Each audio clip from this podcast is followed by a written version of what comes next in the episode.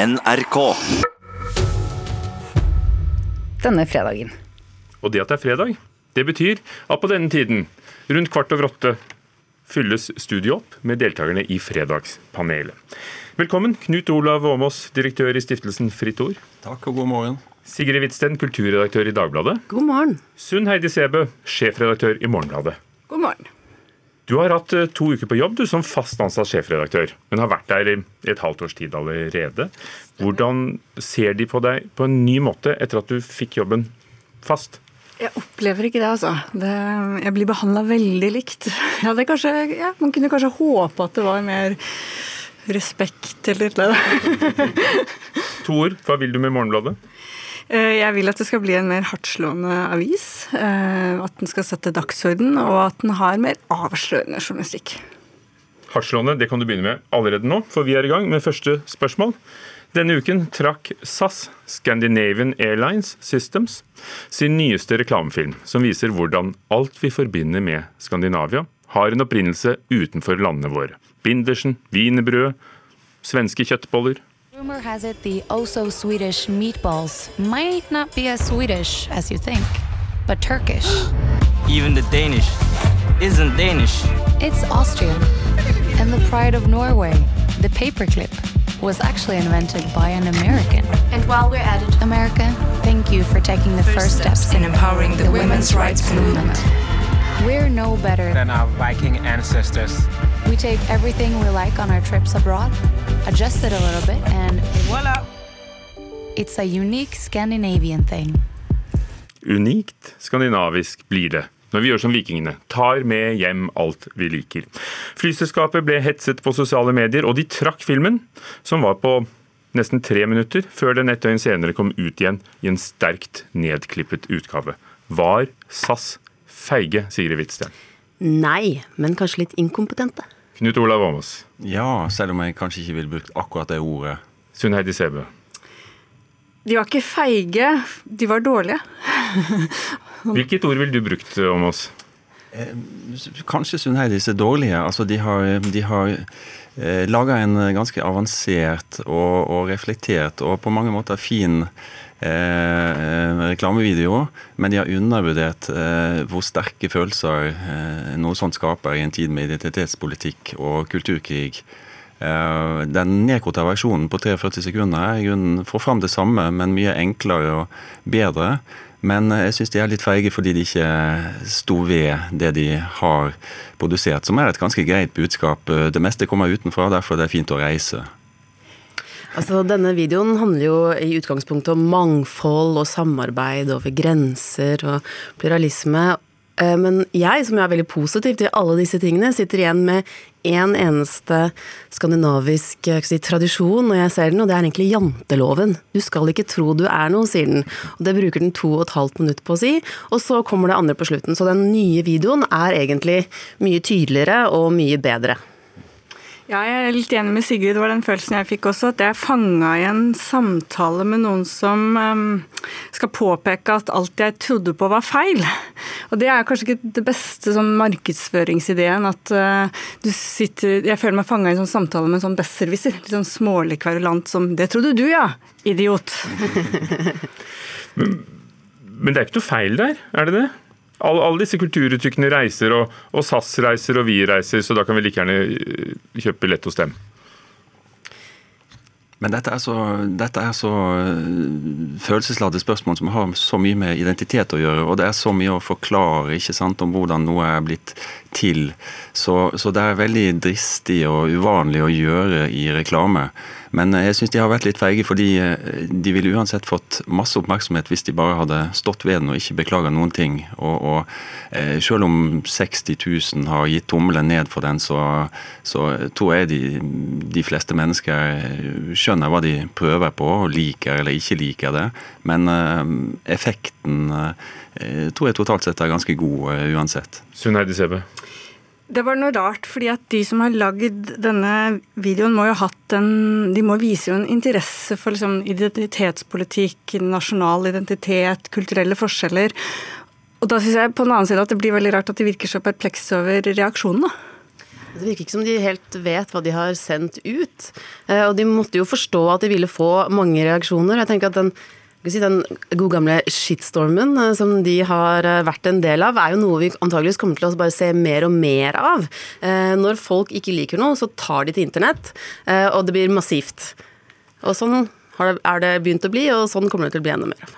Og den lange versjonen som de da trakk, kan sees på artikkelen vår på nrk.no sammen med den korte også. Nytt spørsmål. For Det er nemlig ikke sikkert at alle har fått det med seg, men det er altså opptakten til presidentvalgkamp i USA for tiden. Uh, denne uken med tellerot i Iowa og seier for Bernie Sanders i New Hampshire, som demokratenes kandidat, altså. This victory here is the beginning of the end for Donald Trump. They don't know what they're doing. They can't even count their votes. Thank you so much. Det ser bra ut. Vi var veldig stolte da vi fikk Pete Buttigieg til å si 'det ser bra ut' på norsk til eh, vår korrespondent. Spørsmålet er har norske medier funnet frem til en akkurat passe dose dekning av primærvalgene i USA, Sunn Heidi Sebø? Nei. Knut Olav Åmås? Ja. Sigrid Wisten? Ja. Jeg må jo si ja, da. Kom igjen, Dagbladet. Jo, nei, I tillegg til at dette her selvfølgelig er eh, viktig utenriksstoff, så er jo dette her noe av det vi kan Altså, vi overvåker jo hva les, eh, leserne eh, klikker på til enhver tid, og det er enorm interesse blant leserne for dette stoffet. Og så kan jo selvfølgelig jeg sitte her og tenke at åh, jeg kunne ønske at alle disse menneskene som sier at de er kjempeinteressert i amerikansk politikk, også var like interessert i norsk hverdagspolitikk. Men sånn er det dessverre ikke. Eh, ja, men man kan ikke bare sitte og overvåke og se på hva folk klikker på, tenker jeg. Eh, jeg gjorde et sånn uvitenskapelig søk i mediearkivet Retriever for 2019, og da viste i hvert fall mitt søk at eh, det var rundt drøyt 3000 artikler som nevnte Kinas president Xi Jinping. Og så var det da tilsvarende over, 53, nei, over 54 000 artikler med omtale av Donald Trump. Eh, Kina er jo da verdens nest største økonomi, så det er jo noe med at jeg tenker at vi kanskje hadde hatt godt av å flytte tyngdepunktet likt for å forstå faktisk den verden vi lever i. Og derfor så er jeg veldig glad for at Morgenbladet har 13 sider Kina-stoff i dag. I dagens utgave. Reklamerer for SAS og Dagbladet og Fritt Ord. Kom igjen. Ja, altså Du spurte om norske medier har en passe dose dekning. Det, prioriteringene varierer. Eh, men det er, det er, ganske massivt eh, i de som dekker dette mest nå, eh, fem måneder før vi vet hvem som er demokratenes presidentkandidat, og sju måneder før valget. Eh, det er et enormt viktig valg, ikke bare for USA, men for hele verden. så Derfor er det så viktig å vite mye om hvem som eh, om mulig kan gi eh, Trump en utfordring. Men det jeg savner mer av, er mindre av sånn massiv direktedekning og mer kommentarer og analyser som kan fortelle hvorfor Sanders neppe kan vinne mot Trump, fordi han er altfor radikal for USA. For Det var det jeg skulle spørre om, om du følte at mengden stoff også inneholdt det du vil ha, men tydeligvis ikke helt. Hva sier du, Sebe? Jeg tror vi kunne utfordra oss eh, med fordel på innhold og form. Eh, fordi avisspaltene, det blir mange skrivebordsprosjekter der hvor vi eh, skribenten gjerne har sett en del på TV, kanskje. Og så blir det altfor mye standup på TV, spør du meg. Jeg kunne nok tenke meg at man i større grad dro ut i felt. Ikke det å følge etter valgkampsirkuset delstat for delstat, men faktisk dro ut på selvstendige reportasjeideer og undersøkelser som kunne forklare nettopp det som Knut Olav sier, hvorfor Bernie Sanders neppe vinner. Og med all den dekningen så klarte vi å bomme grovt ved forrige valg. Så.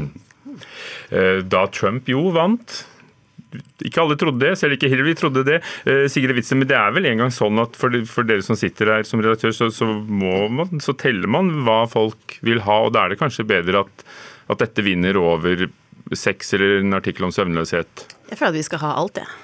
Både Buttigieg og sex og søvnløshet. En fin miks.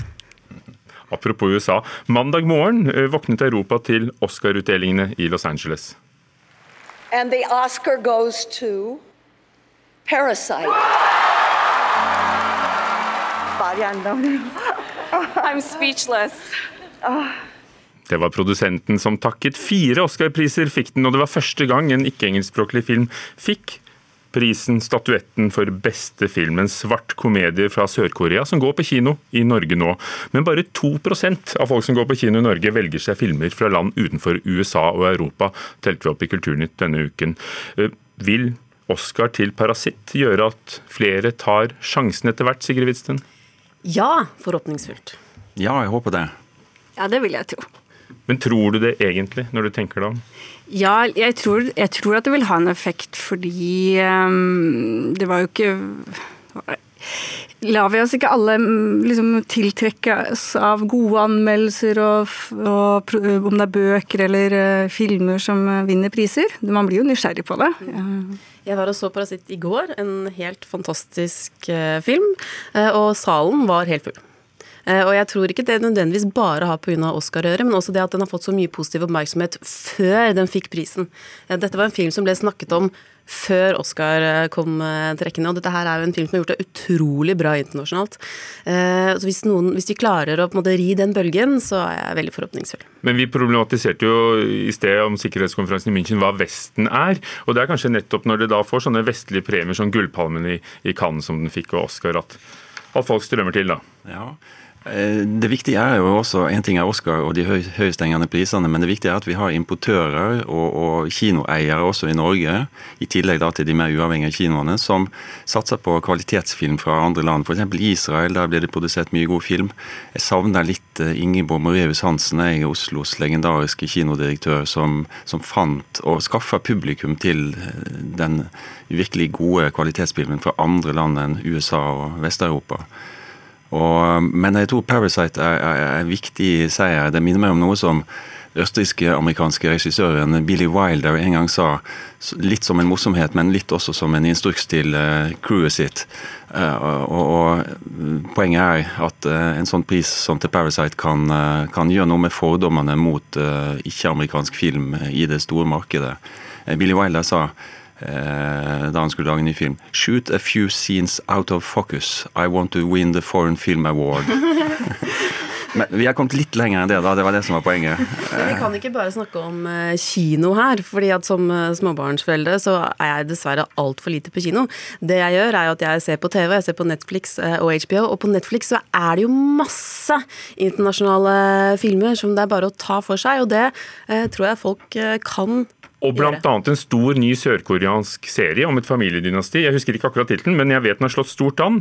Eh, og akkurat som du Sunn Heidi Sebe, nevnte dagens utgave av Morgenbladet, så tillater jeg meg å nevne dagens utgave av podkasten Oppdatert fra NRK Nyheter.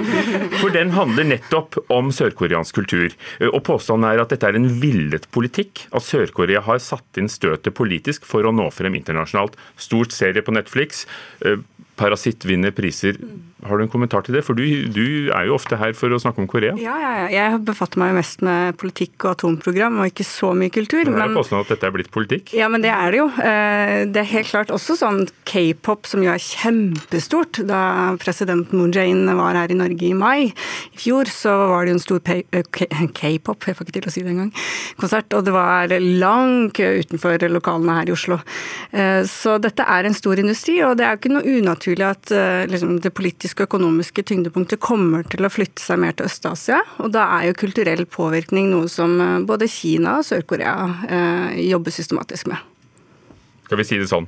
Kan jeg være filosofisk på slutten? Det er så viktig å se film fra andre steder enn USA og Vest-Europa, fordi hvor du befinner deg, bestemmer så mye av hva du ser. Mm. Ja, mm.